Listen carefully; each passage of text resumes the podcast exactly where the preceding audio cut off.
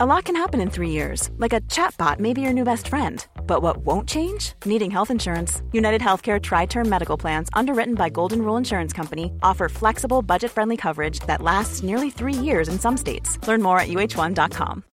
Since 2013, Bombas has donated over 100 million socks, underwear, and t shirts to those facing homelessness. If we counted those on air, this ad would last over 1,157 days. But if we counted the time it takes to make a donation possible, it would take just a few clicks. Because every time you make a purchase, Bombas donates an item to someone who needs it. Go to bombas.com slash ACAST and use code ACAST for 20% off your first purchase. That's bombas.com slash ACAST, code ACAST. When you're ready to pop the question, the last thing you want to do is second guess the ring. At Bluenile.com, you can design a one of a kind ring with the ease and convenience of shopping online. Choose your diamond and setting. When you find the one, you'll get it delivered right to your door. Go to Bluenile.com and use promo code LISTEN to get $50 off your purchase of $500 or more. That's code LISTEN at Bluenile.com for $50 off your purchase. Bluenile.com code LISTEN. Välkommen tillbaka till podden Utan dig med mig Emelie. Och mig, Alexandra. Det här är en podd som handlar om förluster och framförallt förlusten av våra barn. Vi kommer att prata osensurerat och öppet från våra hjärtan. Vilket kan göra att innehållet väcker mycket känslor. Alla sörjer olika och det finns inget rätt eller fel. Men risken finns därför att någon kan ta illa upp. Men vi hoppas att våra lyssnare inte ska ta illa upp på något sätt.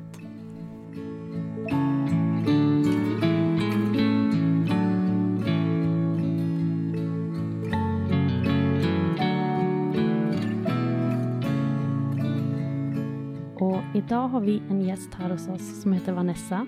Du är här idag för att du ska få berätta om din son Jack Mm. som dog av en muskelsjukdom dagen innan han skulle bli sex månader gammal. Ja, det stämmer. Mm. Hur känns det att vara här? Det känns lite pirrigt, eh, men jag har ändå längtat efter att få berätta om Jack. Eh, jag är väldigt stolt över honom, så att för mig känns det väldigt viktigt att få berätta vår resa och eh, hur, viktig han, hans, eller hur viktigt hans liv har varit. Mm. Så det känns bra att vara här. Mm. Mm. Det känns jättefint att du är här. Tack. Mm. Och nu när vi sitter och spelar in det här så har det ju inte heller gått väl så himla lång tid sedan han dog. Nej, det har gått ungefär sex månader sedan han dog. Mm.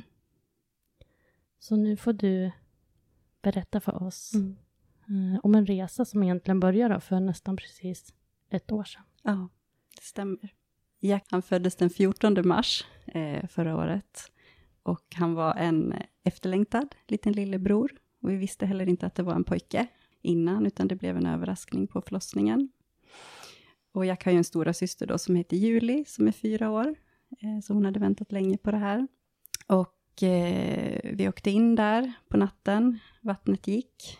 Och verkarna kom igång lite smått. Och jag tänkte att det här skulle bli en lite så här revanschförlossning. För första förlossningen så gick det så himla fort med lilla Julie. Att jag hann bara vara på förlossningen ungefär en timme. Och sen kom hon ut i raketfart.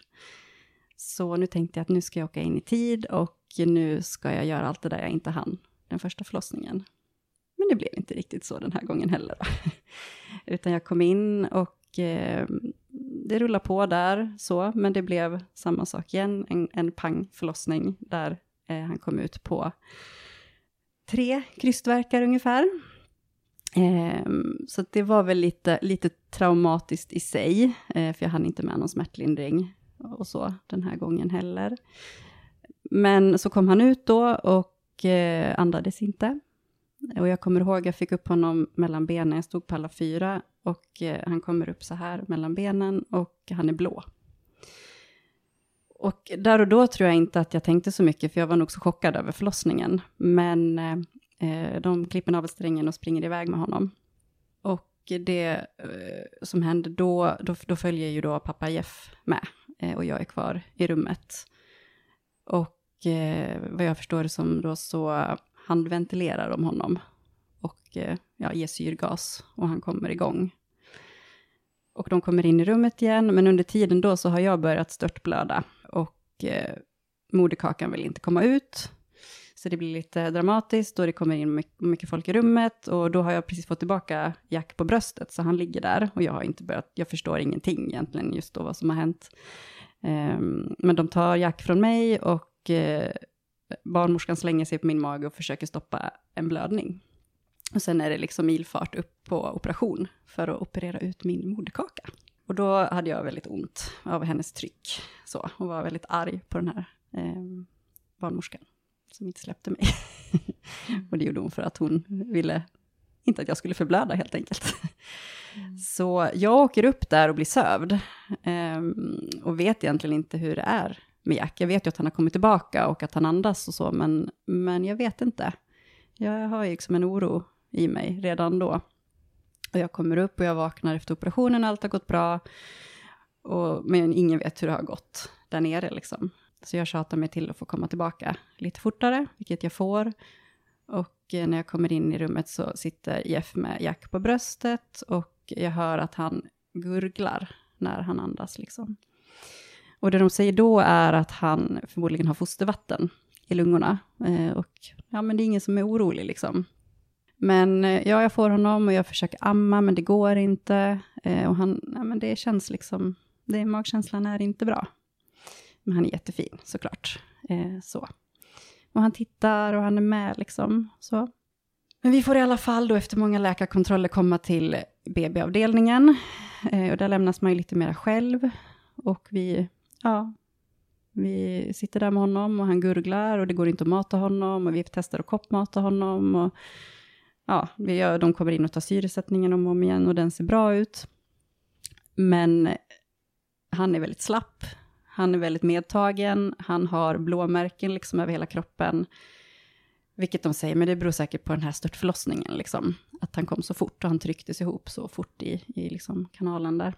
Men eh, det känns inte bra och jag tror att det är typ tre läkare som kommer in varav de tycker att vi ska avvakta, avvakta. Och det jag känner där och då är liksom så här, jag kan inte sitta här inne och ha, ha det här ansvaret för honom, för han andas inte som han ska liksom. Och då till slut kommer det en erfaren barnmorska in. Det här är typ ja, 10, 11 på kvällen. Han föddes klockan 10 på förmiddagen. Så det har gått ganska många timmar sedan han föddes. Och eh, säger att jag ser att det här inte är som det ska. Jag kommer skicka er, eller jag kommer säga till läkaren att skicka er ner till eh, ja, eh, neointensiven då. Och då går det ganska fort, så då ringer de väl och sen så får vi komma ner. Och då är ju det eh, bara en upplevelse i sig, liksom att komma ner till en, en gemensam sal på Neo-IVA. Där det ligger väldigt sjuka barn, vilket man känner att här hör inte vi hemma. Eh, men det gjorde vi. Man ligger ju liksom, det är fyra tror jag, eller om det, är, om det är sex sängar, tre på varje sida så här, med lite skiljeväggar. Så får vi ett rum där och eh, där börjar liksom hela, hela resan. Och ingen vet vad som är fel. Och då ligger man där nyförlöst, jag har störtblött, man är liksom, ja, brösten sprutar, bank, alltså det är mycket känslor, eh, förvirringen är liksom total. Eh, och det alltså läkarna ger oss liksom inga svar. Och eh, nej men vi ligger där och han får ju en sond. För det, han får ju inte i sig någon, någon liksom näring. Men han har inga andningsstöd, utan han andas ändå på bra. Han får ju på sig liksom sådana här, äh, ja, som man ser syr, syresättning och puls. Och allting ser bra ut där. Så att egentligen så är ingen så himla orolig i början. Utan det är lite att man, han hämtar sig nog. Vi ger det lite tid. Så att jag tänker att det går, nu det är lite så här suddigt egentligen första dagarna, men jag tänker att det går ett par dagar. Olika läkare undersöker honom. Jag vet att neurologen kommer in ganska tidigt och börjar liksom känna och klämma på armar och leder och kolla reflexer och sådär. Man tar blodprover. Och blodproven, allting ser bra ut. Det är liksom inga konstigheter. Um, så att det, vi, jag tror att i början där så är vi ganska hoppfulla att det här kommer ge med sig. Så, och vi, där och då börjar man ju googla på olika eh, diagnoser och olika symptom och sådär. Men eh, ja, alltså det är mycket som stämmer in. Det finns väldigt många olika muskelsjukdomar till exempel, som stämmer in på hans symptom här då. Och ja, de säger ingenting och eh, vi får träffa genetiker, eh, de gör en eh, röntgen på hjärnan, de gör eh, EKG på hjärtat, ja, de gör liksom allt, de kollar honom från topp till tå. Man hittar inget fel på honom. Men han hämtar sig ju liksom inte. Han är ju fortfarande lika slapp och veckorna börjar gå. Vi får komma från eh, neo-IVA till eh, avdelningen, inte intensiven då, utan på avdelningen för, för nyfödda. Då. Så vi hamnar där, vi får ett rum och, och, där bor vi ju verkligen in oss. Och veckorna börjar ju gå. Ehm, det första de börjar fundera över det är sjukdomen SMA. Eh, så det provtar man honom för och eh, det var ju dödsstöten liksom. För då när man läser på om SMA, det känner ni ju till vad det är och det är ju en, hade ju varit en dödsdom för Jack. Det, alltså, det tänkte vi var det värsta han skulle kunna få just då. Och det provet tog, jag tror det tog sex veckor att få svar Oj. på. Det skickades till Tyskland och visade sig att han har en genuppsättning SMA, så han är alltså frisk bärare av mm. SMA. Eh, men han har inte två, vilket man måste ha. Eh, så det var därför de hittade den här första, men inte den andra, och därför tog det så lång tid att få, få svar på om han verkligen, verkligen inte hade den här andra genuppsättningen, vilket han inte hade sen. Vi fick då, ju svar på det. Det betyder då att någon av er är bärare, eller? Nej, han kan vara den första också, Aha, eh, okay. med en uppsättning SMA, liksom. Mm -hmm. För vi bär inte på det, det har man kommit fram till sen, liksom, ah, ja, ja. att vi, vi har inte den genen heller.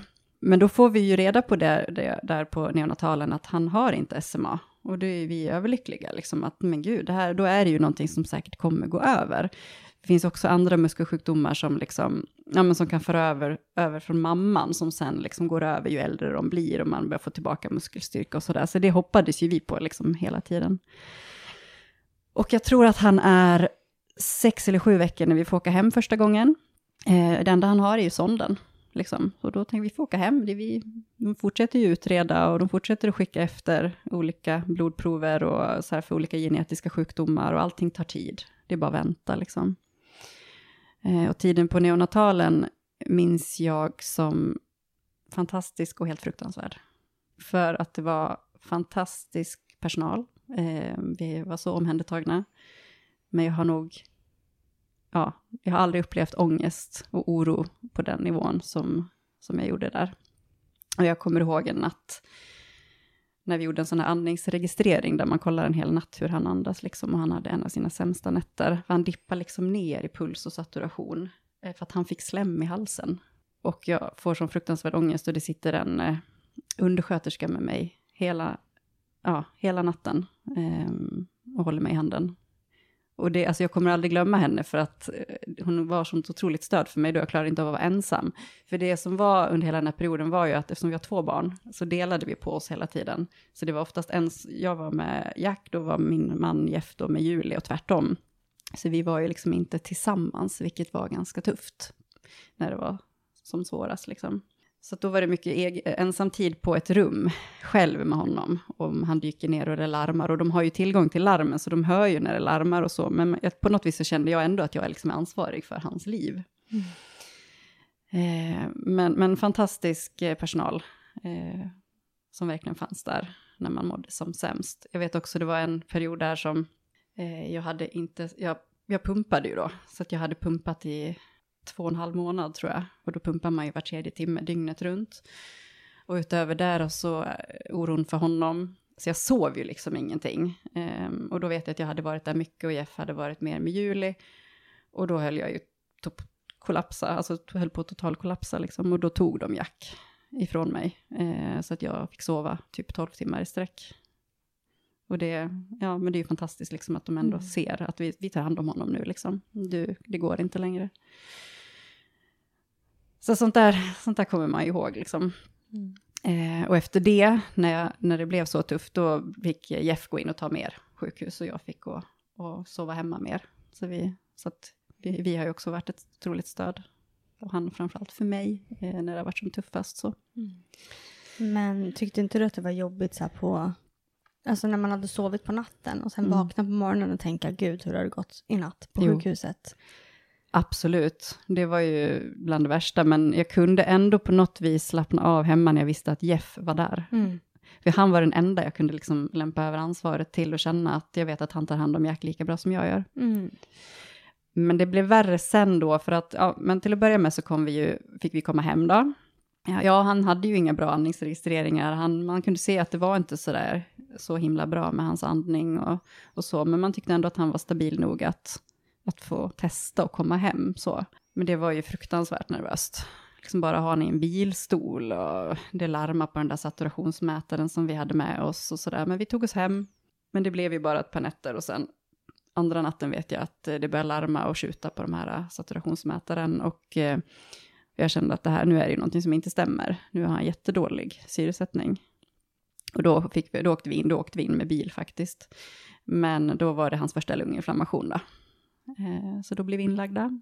Och det, och, och det var då också som han fick sin Optiflow. Han hade ju klarat sig utan andningsstöd ända fram tills nu då. Men då fick han den här, de här små piggarna i näsan och så egentligen bara fuktad luft från början och bara syrgas vid behov då. Så då blev vi inlagda igen. Till en början så hamnade vi på eh, neonatalen igen, trots att han var, jag tror att han var åtta veckor då.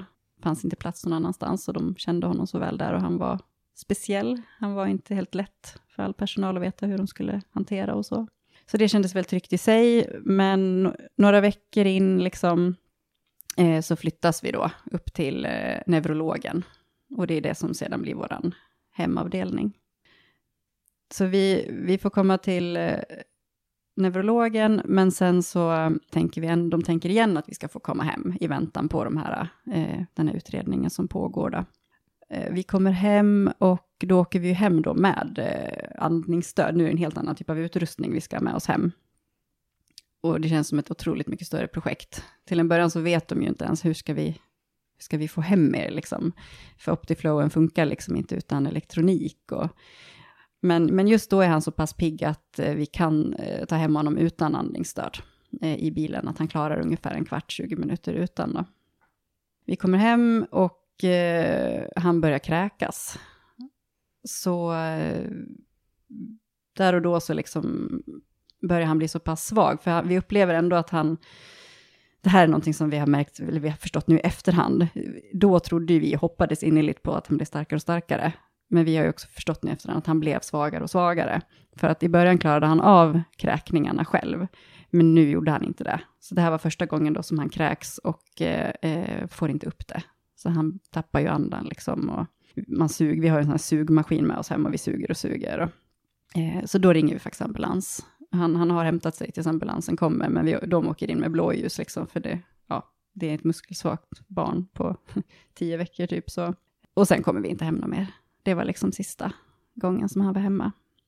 Men det jag ändå vill nämna är i alla fall att när vi var hemma första gången så hann vi med en promenad till lekplatsen. Och vi hann med ett besök på pizzerian. Och våran, våran hund var med också. Vi hade ju våran gamla hund då, så hon fick träffa honom. Och de där minnena är så himla viktiga idag. Att vi liksom hann med att ta ut honom i barnvagnen och han sitter i solen med honom och grannarna fick se honom och ja. Ja. Så det känns liksom bra att det, att det fick bli så i alla fall.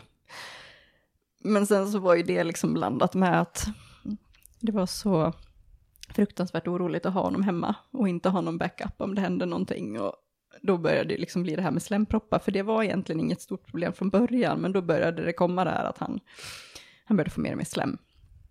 Eh, så på något vis så kändes det också rätt att vi blev inlagda efter det, för att vi, vi klarade inte av honom hemma själv så. Men det vi jobbade mot hela tiden, även när vi kom tillbaka, och det alla andra också jobbade mot, det var ju att vi skulle hem. Det var ingen som visste något annat. Alla tänkte ju att det är väl säkert någon sjukdom som han kan leva med, även om han kommer ha stora funktionsnedsättningar. Liksom. Det var det som var tanken hela tiden.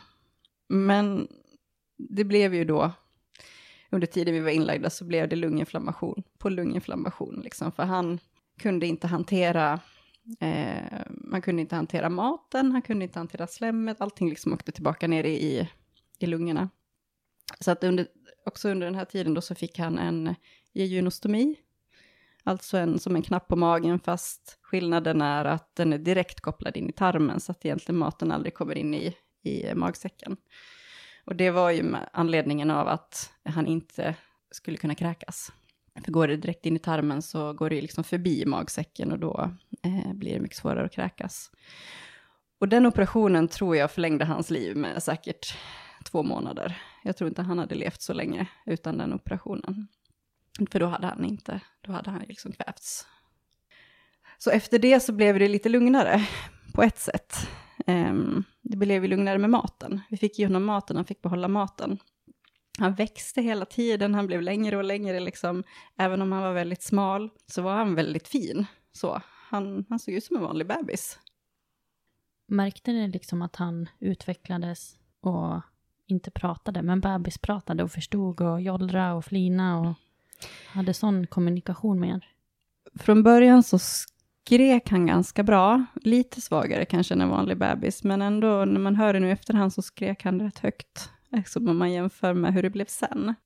Och när han började nog le precis när vanliga friska bebisar börjar le. Eh, och eh, han, han, han hade sitt språk, han pratade, men han, han var ju liksom ganska... Det var tystare. Det var liksom inga höga skrik eller eh, höga skratt eller så, eh, utan det blev liksom... Det är svårt att förklara, men, men lite svagare varianter på det liksom. Framförallt tror jag vi märkte det mycket på alltså att han utvecklades normalt på hans, hans blick och hans medvetenhet och eh, han kommunicerade så otroligt mycket med sina ögon. Och eh, sen så, han, han rörde ju, från början så rörde han armarna eh, upp och ner och han rörde benen pyttelite fram och tillbaka. Eh, men på slutet så rörde han bara händerna och fötterna. Så han kunde inte röra någonting. Han kunde vrida huvudet pyttelite fram och tillbaka. Eh, och det kunde han ända till slutet, men inte liksom vrida det från en sida till en annan eller så. Så han var ju väldigt liksom begränsad.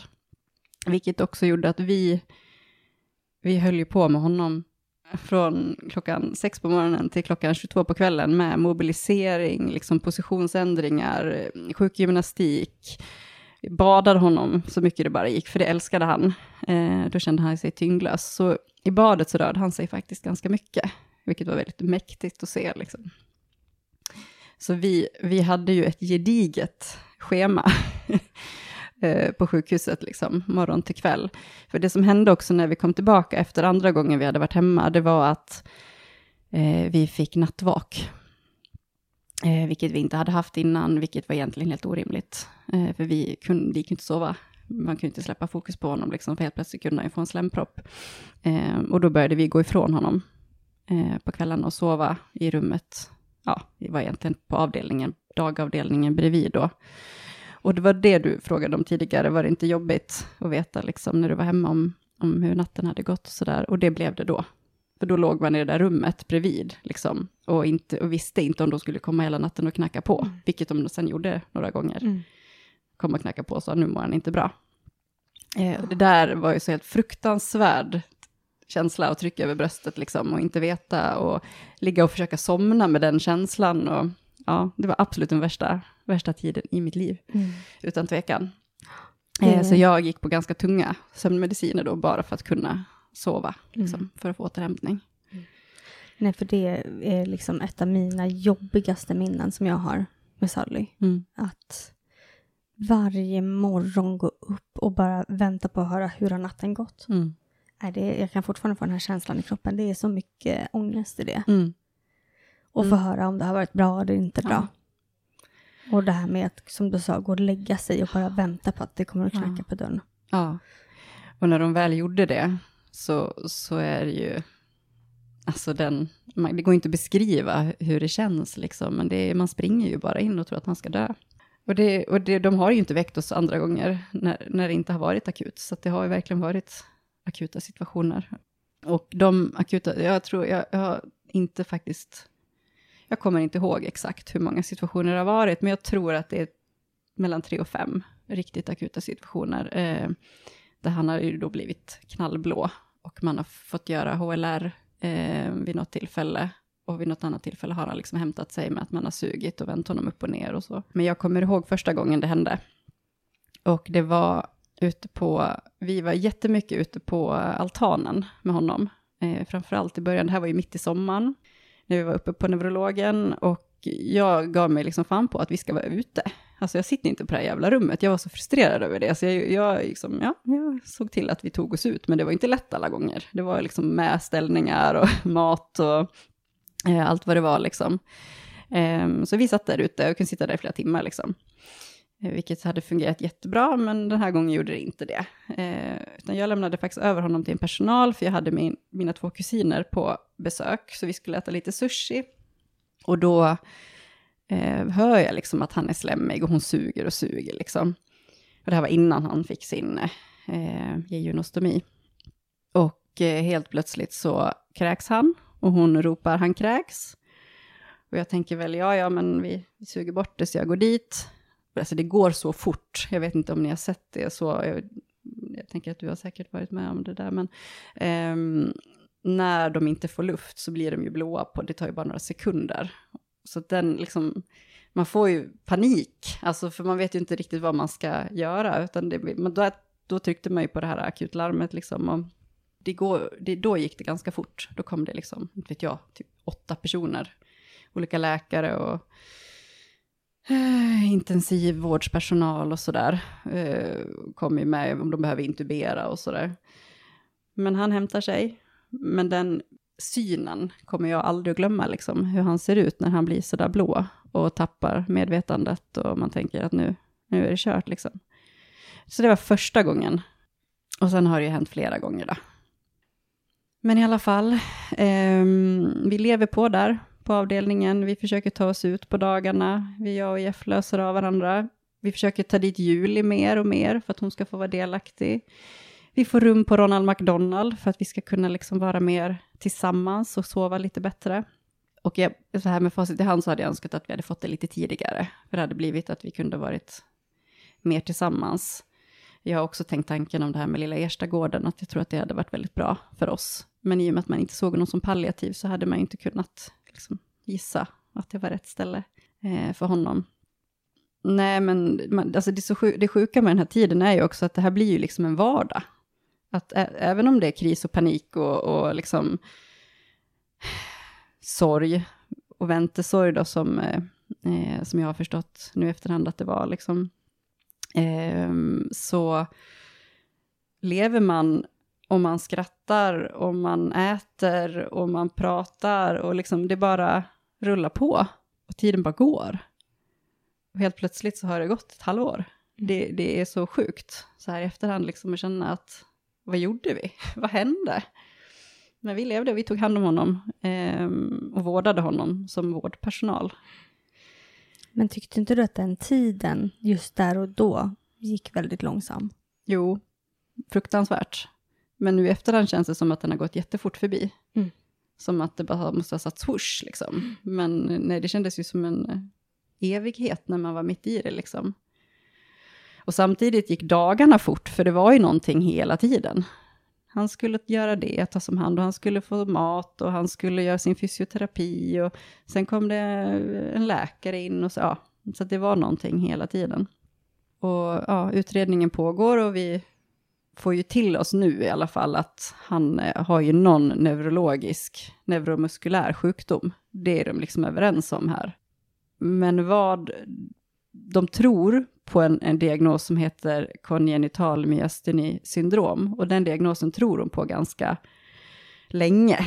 Egentligen så, det skulle jag kanske ha sagt från början, men han medicineras även för den här sjukdomen redan när han är två veckor gammal. Mm. För det är den enda neuro neuromuskulära sjukdomen som går att göra någonting åt.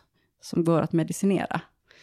För att det ska bli bättre. Inte bota, men bli bättre. Så man, man tror gärna på den här diagnosen, men med facit i hand så gav, gjorde ju medicinerna ingen effekt och han fick en jäkla massa biverkningar. Det var väldigt mycket starka, konstiga mediciner. Han testade flera olika.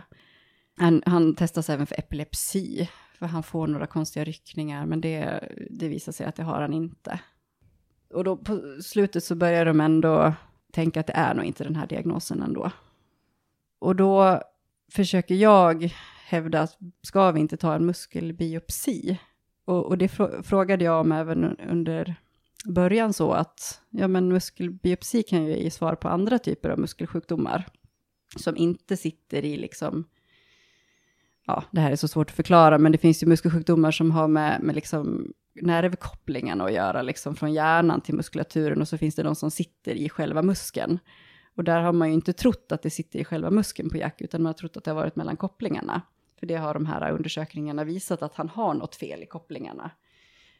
Men det visar sig sen då att det kan man också ha, fastän att det sitter i musklerna. Så det är, mm. ja, det är väldigt mycket turer kring det här fram och tillbaka. Och jag har liksom inte tidsperspektivet kvar längre, vad som gjordes när och sådär. Men då säger de ju i alla fall det att ja, det är ju det enda vi har kvar att göra. Så är det ju en muskelbiopsi, men det måste ju göras eh, under narkos då. Då plockar de en lite, skär de ut en liten bit från vaden. Så då gör de ju det samtidigt som de sätter in geonostomin, så det är alltså när han är fyra månader gammal.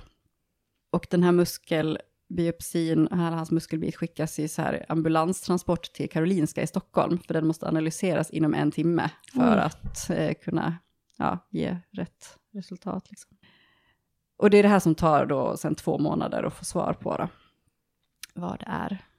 Och eh, alltså det är svårt när man inte har liksom tidsspannet mm. riktigt i huvudet längre, vad som händer när och så. Mm. Men eh, det som händer sen är ju att jag sitter på Ronald McDonald. Jag har förkylningssymptom. Det här är ju liksom covid-tider också. Eh, Jack är just då på intensiven, för han har en lunginflammation.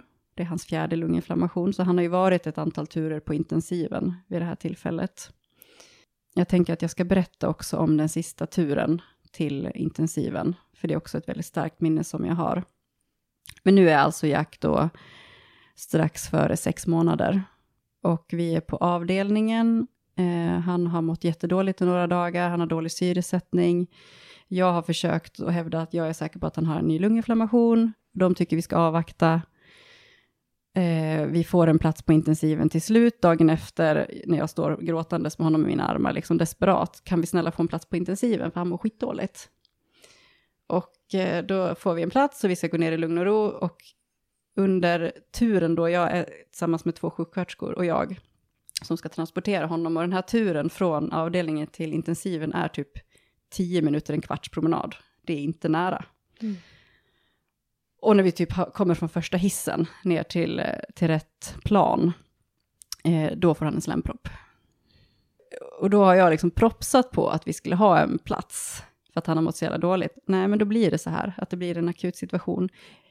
De har inte med sig någon telefon, vilket är det sista jag hör eh, när vi går ut. Nu har inte vi med oss avdelningstelefonen, och sen går vi. Så de kan inte ringa någon. Mm. Så det som händer då är att jag försöker hålla honom vid liv och vi springer genom hela Akademiska sjukhuset. Och han, eh, ja jag ser ju på syremätnaden, liksom den går ner, så 70, 60, 50, 40. Och jag bara suger och suger och suger och suger liksom. Och, ja, jag bara tänker, jag måste, han får inte dö nu liksom. Och det här det är väldigt dramatiskt. Vi kommer ner till intensiven, varav ingen har ju fått någon förvarning om att det här är ett akutläge. Han skulle ju komma ner i lugn och ro, planerat. Och ingen säger någonting. De två personalen som jag är med, de säger ingenting. Och jag tror att alla är väl lite grann i chock. För jag tänker att de hade nog velat ringa. Men de står väl helt handlingsförlamade i vad de ska göra. Och jag säger, kan ni hjälpa oss? Det är akut. Och då säger personalen, är det akut? Ja, tryck på knappen. Och sen är det liksom fullt pådrag och han akut intuberas. För då är han jätte, jätterisig. Och det är, det är ju liksom första gången han intuberas och han läggs i respirator. Mm. Och det här tror jag är på torsdagen. Och ja, jag kommer ihåg att jag sitter där och ser ju allt det här hända. Jag ser hur de håller upp mitt, min bebis liksom och trycker in en tub i halsen. Ja. Personalen försöker lugna mig och trösta mig. Och kommer med saft. Alltså jag kommer ihåg hur hela kroppen bara skakar. Och sen vet jag att de ringer till Jeff. säger att han ska komma dit. Men han blir stabil ganska fort, eh, eftersom att han får respiratorn. Och på något vis är det en så jäkla lättnad. Bara nu kan han andas. När han inte kunnat andas ordentligt flera dagar. Och det, det finns inget mera frustrerande eller mera ångestladdat när man ser ett barn som inte kan andas. Om man inte kan göra någonting. Så på något vis så blir det som någon lättnad när vi kommer dit och han läggs i respirator och, och nu tänker jag att nu får han i alla fall hjälp.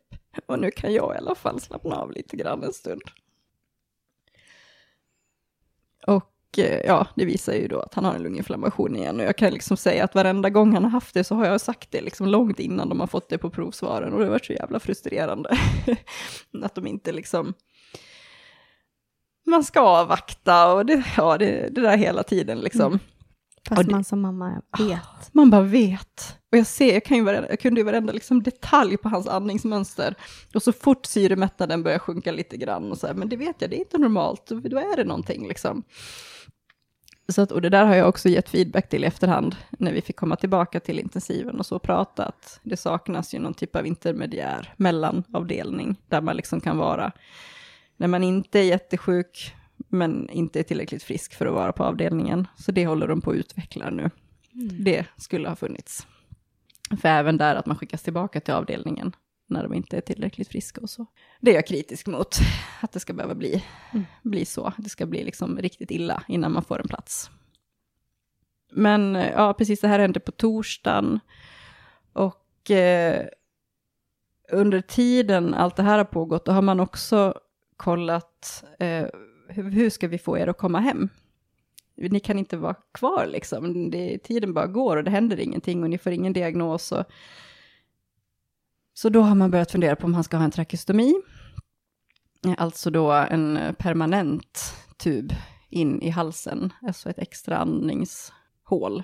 Vilket kändes som ett jättejobbigt steg, men vi var nog väldigt överens om att det är klart att vi vill göra det. Vi måste ju få komma hem med honom liksom. Och har man en trakeostomi då måste man också ha assistans dygnet runt. Så vi har också börjat, eh, vi gjort ansökan om assistans och vi har börjat få assistenter via kommunen som har gått bredvid vid ett par tillfällen på sjukhuset. Så planen är ju fortfarande att komma hem liksom. Nu ska han bara hämta sig från den här lunginflammationen och sen ska han få en trakeostomi som förmodligen ska göra att han inte får lika mycket lunginflammationer och han, ja, men allting ska bli stabilare. Så du vet, vi har ju fortfarande hoppet med oss ända in i detta. Eh, men jag ska ändå nämna det att jag och Jeff, och pappa till Jack, har haft väldigt olika ingångar eh, genom hela den här resan. Där han var positiv hela vägen in i mål och trodde att det skulle gå bra. Och jag har inte trott det. Jag har nog tänkt och haft en magkänsla att det kommer nog inte att gå bra det här. Och jag har ju till och med liksom blivit arg på folk som har sagt till mig, det är klart att du må, det måste gå bra, du måste tro på att det ska gå bra. Ja, men varför måste jag det? Det är inte alls säkert att det gör det. Han, han är jättesjuk liksom. Men jag tror att det har varit jätte, jättebra att jag och Jeff har sett det så olika, för att vi har liksom verkligen, jag har väl tagit ner honom lite och gjort honom lite medveten om hur sjuk han är, och han har tagit upp mig lite och, och också hjälpt mig att se honom förbi sjukdomen. Så att jag tänker att det har varit inte alls fel att vi har hanterat det olika.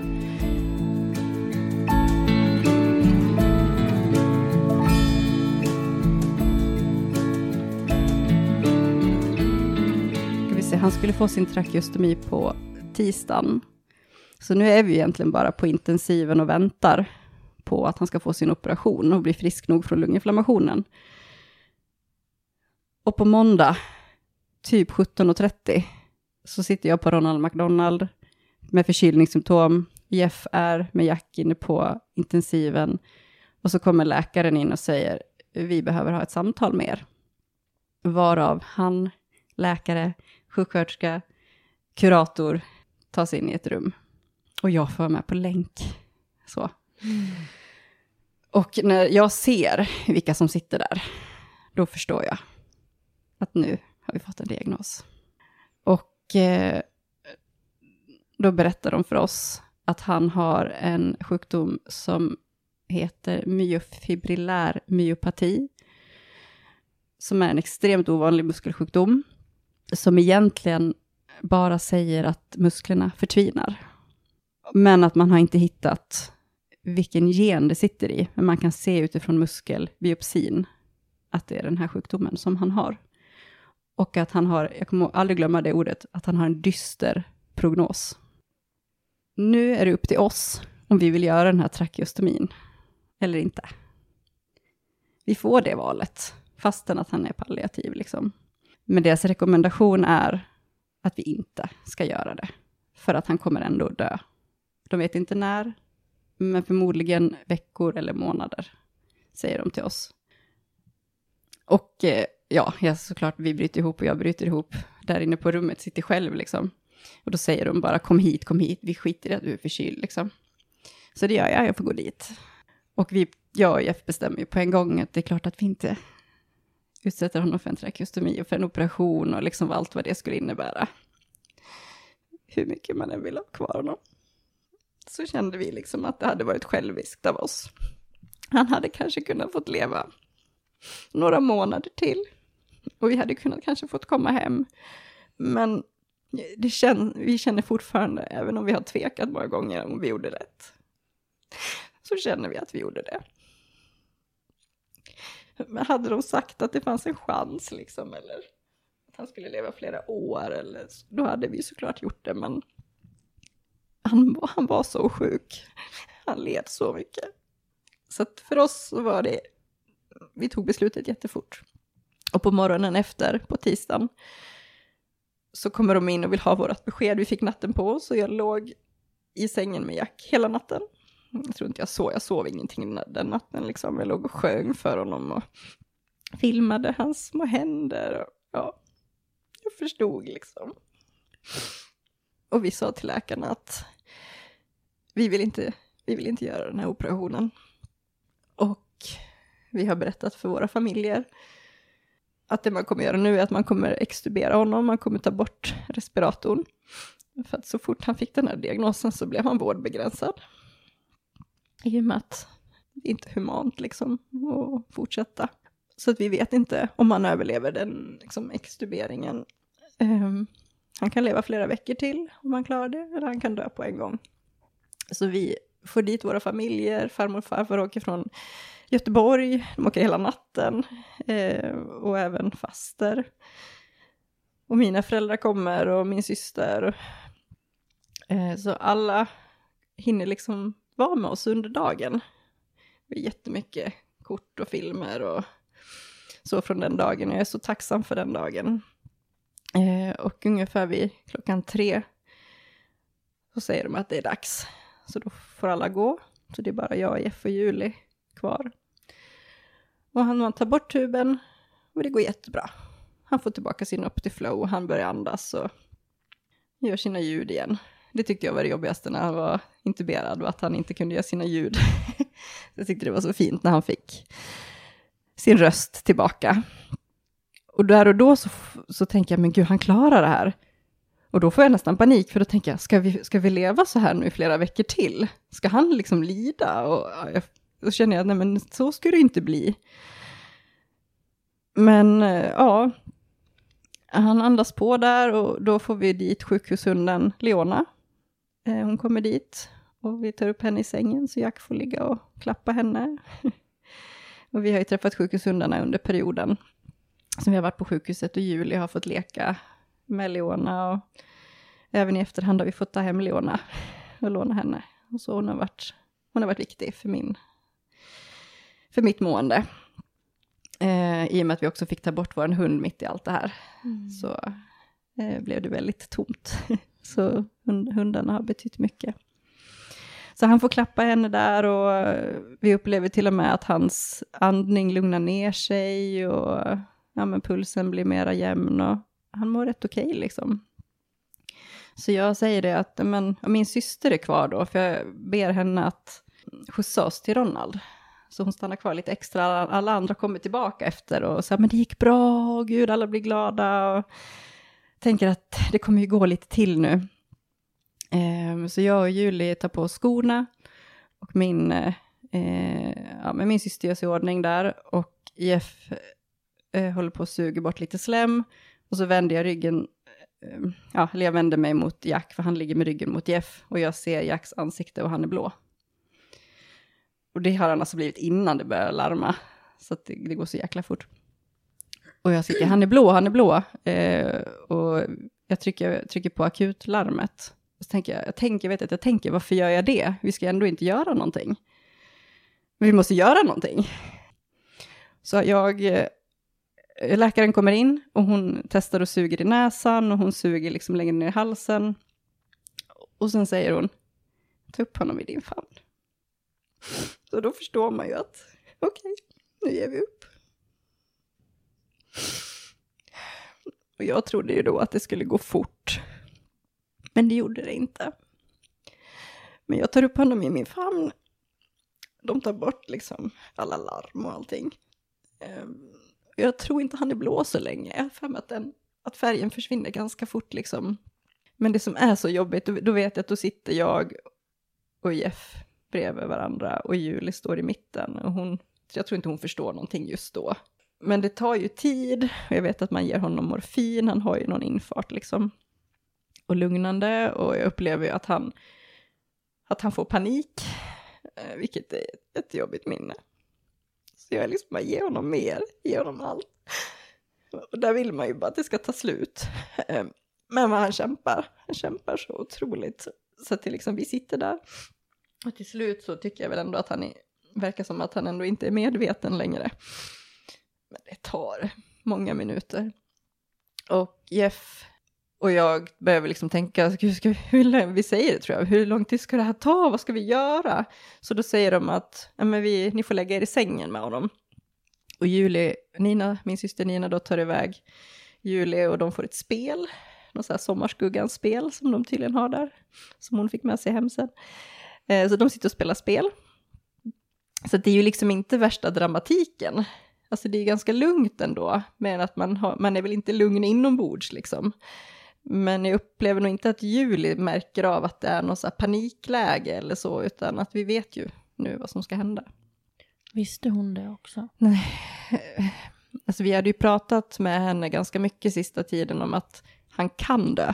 Vi vet inte, han kan dö.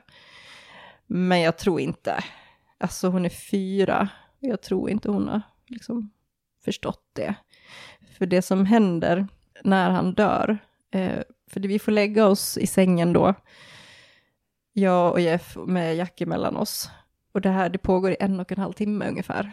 Så att det går liksom verkligen inte fort. Och, hans, och det är också en sån här grej som vi ändå känner att han hade så otroligt starkt hjärta. Han hade liksom inget fel på sitt hjärta. Och det har Jeff också tatuerat in på sin arm. Jag har ju hans EKG och Jeff har också hans EKG. Och så står det “Your strong heart will never die”. Mm. Så det är så mm. symboliskt för liksom att han var så stark, han kämpade så in i det sista. Och jag vet att jag tar av optiflowen en, en sekund här uh, och tänker liksom att, jag vet inte vad jag tänker, jag tänker bara att han ska av med alla hjälpmedel, för att han behöver det väl ändå inte. Och då visar han så tydligt med sitt kroppsspråk att, att han får panik. Så jag sätter tillbaka den liksom på en gång, så han får, han får ändå liksom somna med sin Optiflow. Det var, han älskade verkligen den. Det var väl liksom att det lättade, lättade andningen för honom. Men eh, till slut så tar han sitt sista andetag. Och det är, liksom, det är så tydligt. Nu tar han sitt sista andetag mellan mamma och pappa. Och då eh, är han ju helt genomsvettig liksom. Och, ja, alltså, jag känner han har ju kämpat så. Så då vill jag byta pyjamas på honom och jag vill byta blöja, för han har ju bajsat på sig. Och, så jag gör allt det där. Och när han är jättefin och ligger med ny pyjamas och filt då säger vi till Julie. Nu får du komma gumman. Nu är lillebror död.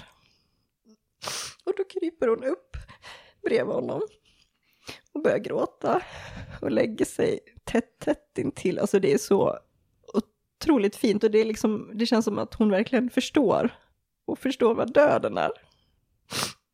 Och jag är så tacksam att hon var där, för jag tror att det har hjälpt henne liksom att förstå vad som händer. Och att han var lika fin ändå, liksom. det var ingenting obehagligt eller farligt. Och det är också slumpen att vi, vi hann inte gå därifrån. Vi hade lika väl kunnat hunnit gå därifrån liksom. Men vi var där och min syster var där. Och trots det här kämpandet och sådär så blev det till slut fint. Och Julie vill ringa till mormor och morfar och berätta att han är död så hon får göra det. Med videokamera. Och det samtalet, det är bara att föreställa sig och få det samtalet liksom. Som mormor och morfar. Och jag vill inte lämna honom så jag vet att jag, jag har honom i famnen och jag bär honom och jag ligger där. Och Julie är väl kvar med, med, med Jeff tror jag. Jag tror min syster går där efter ett tag. Och de tar kort. Och sen så, ja, en jättefin undersköterska där som själv hade förlorat ett barn. Så hon berättar, det här har ni rätt till, det här har ni rätt till, liksom. Och jag är så tacksam för det, för vi bestämmer oss i alla fall till slut att han får vara kvar. Eh, och vi går till Ronald och sover. Det här är sent på kvällen. Han dog eh, 18.40 på tisdag kväll den 13 september. Dagen innan sin sex månaders dag. Och dagen efter så vill jag gå tillbaka, men Jeff vill inte. Han vill inte se honom på det sättet. Han kände sig klar.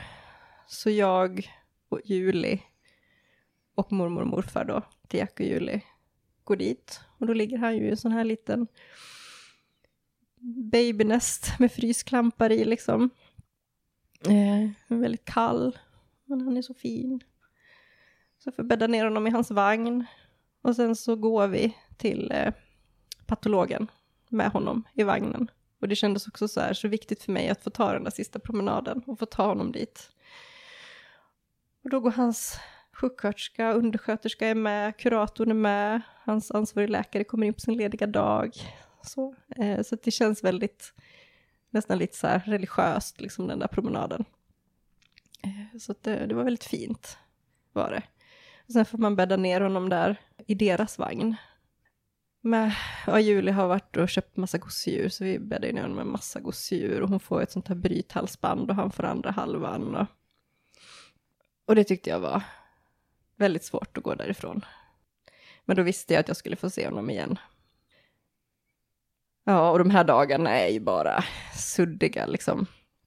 Man kommer ju typ inte ihåg vad man gjorde, vad man, och om man åt. Jag tror att liksom när och kära såg till att man fick i sig någonting. Och, man är väl på något vis i chock och samtidigt så tror jag att jag hade bearbetat det lite grann i förväg. Medan jag tror att min man inte hade gjort det.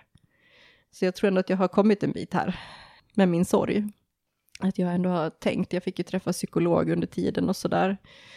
Jag vet att första gången jag träffade den så sa jag att jag kommer inte överleva om han dör. Och sista gången jag träffade henne innan han dog så sa jag, jag kommer överleva om han dör. Och man gör ju det. Ni vet ju det, hur mm. jävla ofattbart det än är liksom. Så gör man ju det. Så Jack dog dagen efter han fick sin diagnos? Ja, det gjorde han. Mm. Så det gick väldigt fort på slutet, liksom från att vi ändå hade hoppet kvar till att vi fick hans dödsdom, så att säga. Så det, ja, där hann man ju inte med så mycket. Där blev det ju lite chock och panikkänslor. Man vet inte vad man ska göra av de här känslorna. Men man bara är i det. Och vi vet att vi åkte hem och det kändes konstigt att åka hem utan honom. Vi var ju uppe på avdelningen och städade rummet där också samma dag som vi hade lämnat honom hos patologen. Jag vet att mamma, ja, mormor, och farmor och farfar följde med oss hem. Och jag vet inte om vi åt någonting eller jag kommer faktiskt inte ihåg. Men jag vet att de var där i alla fall, så vi var inte ensamma. Dagen efter så tror jag min, min mamma kom och då vet jag att jag började rensa ut hans grejer och packa ihop liksom, för jag ville göra om. Han, vi hade gjort i ordning då som en spjälsäng och så i vardagsrummet där han skulle vara. Så jag ville göra om det till en minneshörna. Och då började det komma otroligt mycket blommor. Så då gjorde jag det på en gång. Gjorde om allting till, till minneshörna. Och jag tror att det var väldigt viktigt för mig att liksom få sortera, ta bort det som skulle ha varit till det som blev. Och det var liksom någonting att fokusera på. Och även det här med begravningen som kom sen. Jag vet att vi bara typ, han dog ju på tisdagen och jag tror att vi var där på måndagen kanske, bara inom en vecka. Och bara börja planera för begravningen var också en sån där, jag vet många säger det liksom, att det är på något vis lite skönt att ha någonting att sysselsätta sig med liksom. Um, så det gjorde jag mycket. Um, Julie var hemma mycket, för hon klarar inte av att vara på förskolan. Så. Tuff tid för henne också. Hon, um, mycket separationsångest från oss.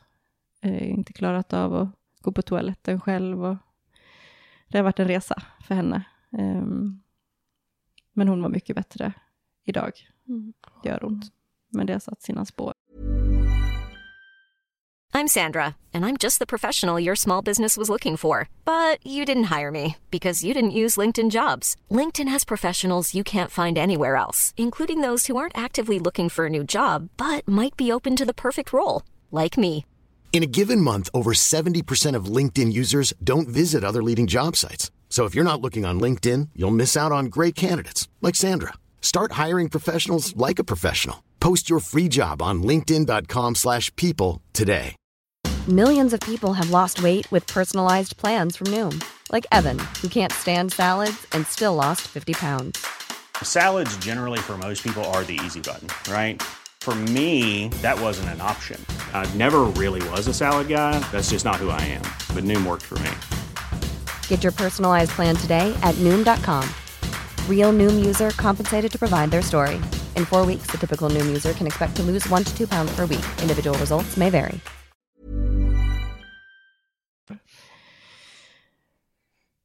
Men sen kom begravningen och eh, jag höll tal vilket var också jätteviktigt för mig.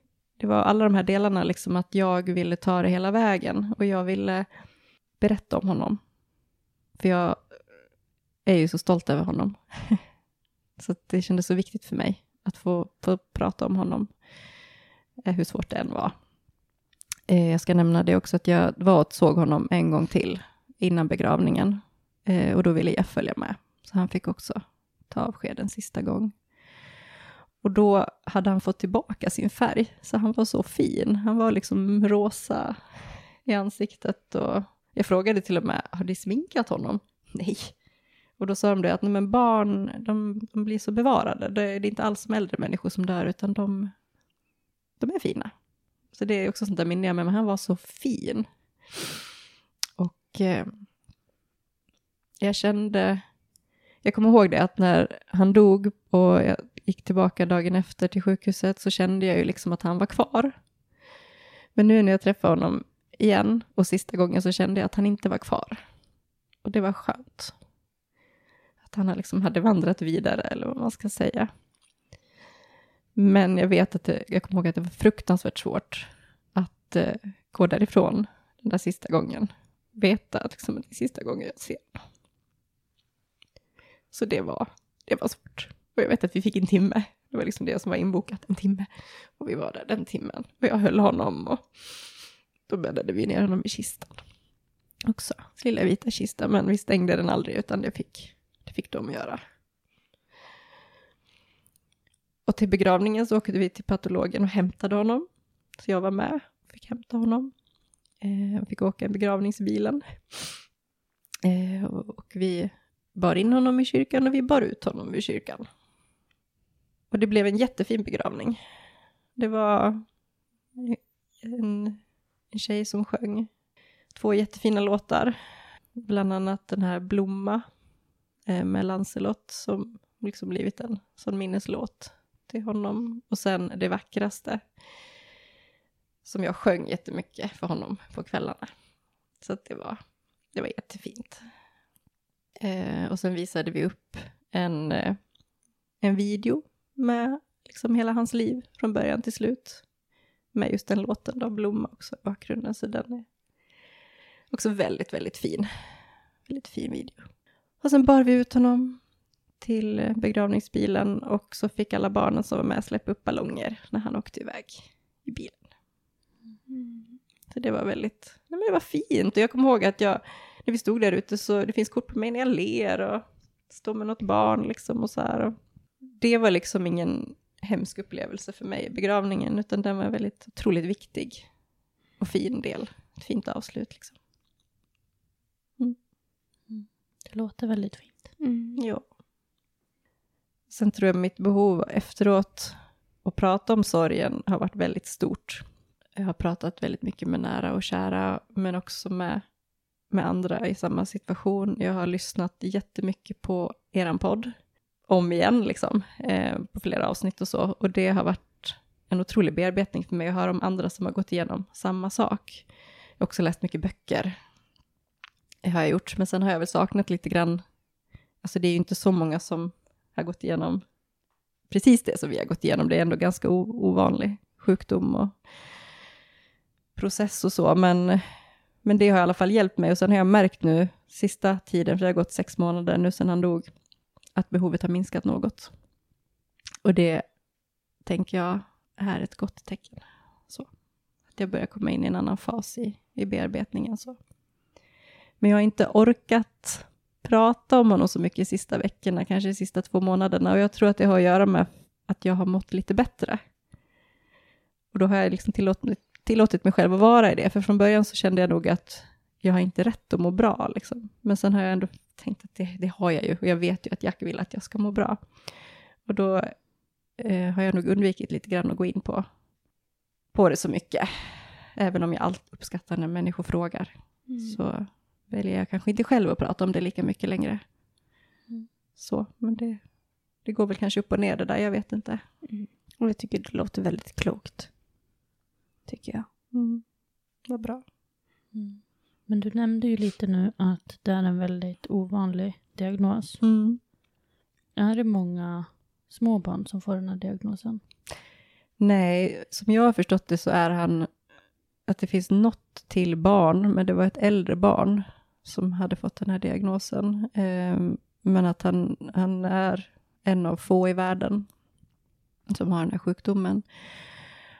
Och det man har gjort utöver muskelbiopsin är ju att man letar efter eh, om vart den sitter i generna, om det är en genetisk... För att myofibrillär myopati är en genetisk sjukdom. Men det kan vara så att han har fått en ny mutation, alltså att han är den första som har den här varianten. Men det kan också vara så att jag och Jeff är bärare, friska bärare. Och så länge man inte hittar genetiken på honom så kan man heller inte kolla på oss. Och han är just nu med i ett forskningsprojekt för eh, ovanliga diagnoser, eh, där vi ska få svar under den här våren, om man hittar någonting eller inte. Så vi vet ju inte, eh, det kan vara upp till 25 procents risk att vi får ett sjukt barn igen, om vi skulle försöka igen. Mm. Är Därav är det inte ett självklart val med mm. fler barn. Mm. Men är det någonting som ni känner att om det skulle vara så att det inte är genetiskt, mm. då är chansen större att ni kanske känner att ni vill försöka? Ja. Alltså min, min man vill väldigt gärna ha fler barn. Jag vill också väldigt gärna ha fler barn, men jag vill inte ta den risken om det är 25 procents risk. Nej. Så det, jag tänker ganska ofta på att vi har ett friskt barn som har gått igenom så pass mycket, att jag utsätter henne inte för det igen. Mm. Men om vi får svar så absolut. Får vi svar att vi är bärare och de hittar det, då kan man också göra fostervattenprov i vecka 12. Så då är det möjligt. Mm. Skulle det nästan kännas skönare? Att mm. liksom... Veta att vi är bärare. Ja, eller veta vart man kan hitta det någonstans. Alltså så ja. att man kan titta på det. Ja, det skulle det göra. Än att de, man inte säger att man inte hittar någonting. Mm. Det, det, är nog det, är det värsta scenariot och det är där vi tror att vi kommer hamna. För att det är så pass ovanligt liksom. Men tror man att det kan hänga ihop med den här SMA-genen som ingen av er hade? Nej, inte alls. Vad konstigt ändå. Visst är det konstigt? Ja. Nej, det kopplar de inte ihop överhuvudtaget. Mm. De säger det att sådana gener, alla bär på det. Alla har lite olika konstiga mutationer i, i någon gen liksom, så det, det är inte alls ovanligt. Men det är lite lustigt ändå eftersom det, eftersom det också är en muskelsjukdom liksom. Mm. Men nej, och vi är ju testade för alla de här vanliga. Mm. Och vi är ju inte bärare på någon av dem. Nej, just det. Mm. Så det, fortsättning följer mm. där. Men vi har ju skaffat våra, våran lilla regnbåge, mm. våran lilla valp Iris, mm. som ger oss så mycket glädje. Mm. Väldigt Mm. fint namn också, måste Mm. jag säga. Eller hur? Mm. Absolut inte partisk. Nej. så just nu så är jag rätt så nöjd med livet som det är. Eh, utifrån de förutsättningarna vi fick. Mm. Vad fint att höra. Mm. Mm. Att man ändå kan vara glad och lycklig ändå igen. Mm. För det som man har fått liksom. Mm. Och det kan man verkligen. Det är någonting jag upplever hela tiden, är att jag kan bära sorg och vara glad samtidigt. Mm. Och det tror jag är svårt för människor som inte bär sorg att förstå. Mm. Och i i början var jag lite orolig så här att om jag skrattade, ska någon tro då att jag inte sörjer? Men det har jag, ju, det har har jag släppt nu, Mm. liksom. För det, det, jag, jag sörjer, och periodvis sörjer jag mycket mer. Eh, men den är alltid, det är alltid med mig liksom. Mm. Men jag lever ändå, skrattar ändå och gläds åt min dotter och våran valp, liksom och våran familj. Mm. Och lever vidare. Men det jag tror att man har blivit så otroligt medveten om, det är hur fruktansvärt skört livet är. Och hur, hur jag ändå tar tillvara på varje dag mer än vad jag gjorde tidigare. Och det är jag ju tacksam för Jack, liksom, att han har lärt oss det. Mm. Att ta vara på livet, Mm. här och nu. Jag tycker också att det är viktigt att, alltså att många förstår och tänker på att våra barn som är döda, det är absolut inte bara sorg. Nej. För det är ju så ofta folk också kan säga saker kring det liksom. Att de är ju ännu mer liksom lycka och kärlek än Mm. vad de har sorg. Mm. Och det har jag verkligen känt att jag hade gjort om den här resan tusen gånger om. Mm. Om jag hade fått träffa liksom, Jack igen. Jag med. Mm. Det tror jag att vi alla delar. Mm. Ja. Mm. Han var speciell och det, det säger väl alla om sina barn. Men även vårdpersonalen och så eh, pratade väldigt mycket om Jack. Eh, att han var så, han var så mycket före sin ålder. Han var lite lillgammal och jag tror att det hängde så mycket ihop med att han hade ju liksom bara det att fokusera på. För att han jobbade ju inte motoriskt och då fokuserade han väl på, liksom, på hjärnans utveckling och den känslomässiga utvecklingen och sådär. Men bara ett minne som jag har är att eh, han kunde ju inte vrida huvudet. Och kom det in en personal som stod och pratade bakom honom, då blev han jätteirriterad. För han ville ju att de skulle, han ville ju se, Mm. alltså att de skulle prata med honom. Mm. Och så fort det kom in någon och pratade med honom så fick de ju ett leende liksom. Och, Mm. Så han var väldigt social. Mm. Så jag fick ofta säga till läkare och så här, som kom in att hallå, du får gå runt sängen, han vill se Mm. dig. Så. Ehm, och han var väldigt nöjd. Lugn, tillfreds, trygg. Ja, väldigt, väldigt cool liten kille liksom. var han. Så att, ja. Hade han varit frisk så hade han varit den lättaste bebisen i universum. han var så snäll. Mm. Mm. Det har varit jätte, jättefint att få höra om er. Jack. Tack. Det har varit fint att få berätta om honom. Mm. Även om det var tufft också, så Mm. var det väldigt fint. Mm. Jag kände igen mig så mycket i det du berättade. Mm. Vi brukar fråga våra gäster hur de äger sin sorg. Mm. Så vi vill gärna också veta hur du äger din sorg. Jag tror att jag, jag har liksom aldrig försökt dölja min sorg. Och jag har alltid försökt att prata om Jack och involvera honom i allt som jag gör. Ehm, och jag försöker också avdramatisera mycket när jag träffar nya människor. Att fråga gärna, jag vill gärna berätta om Jack. Du kan inte säga något fel. Men också att jag sörjer samtidigt som jag är glad. Och att jag tillåter mig själv att, att vara glad. Viktiga ord. Mm. Mm. Tack snälla. Tack ska ni ha.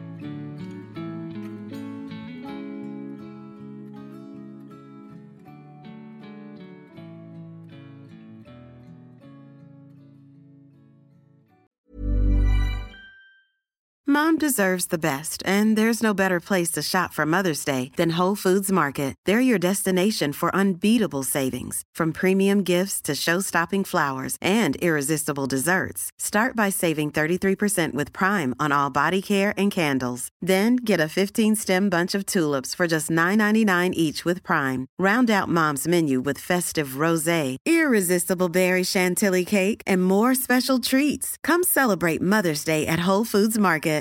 Hi, I'm Daniel, founder of Pretty Litter. Cats and cat owners deserve better than any old fashioned litter. That's why I teamed up with scientists and veterinarians to create Pretty Litter. Its innovative crystal formula has superior odor control and weighs up to 80% less than clay litter.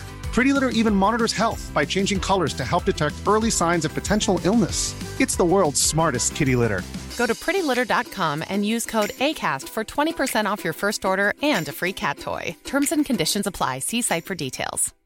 Imagine the softest sheets you've ever felt. Now imagine them getting even softer over time. That's what you'll feel with Bowl and Branch's organic cotton sheets. In a recent customer survey, 96% replied that Bowl and Branch sheets get softer with every wash. Start getting your best night's sleep in these sheets that get softer and softer for years to come. Try their sheets with a 30-night guarantee. Plus, get 15% off your first order at bowlandbranch.com. Code BUTTERY. Exclusions apply. See site for details.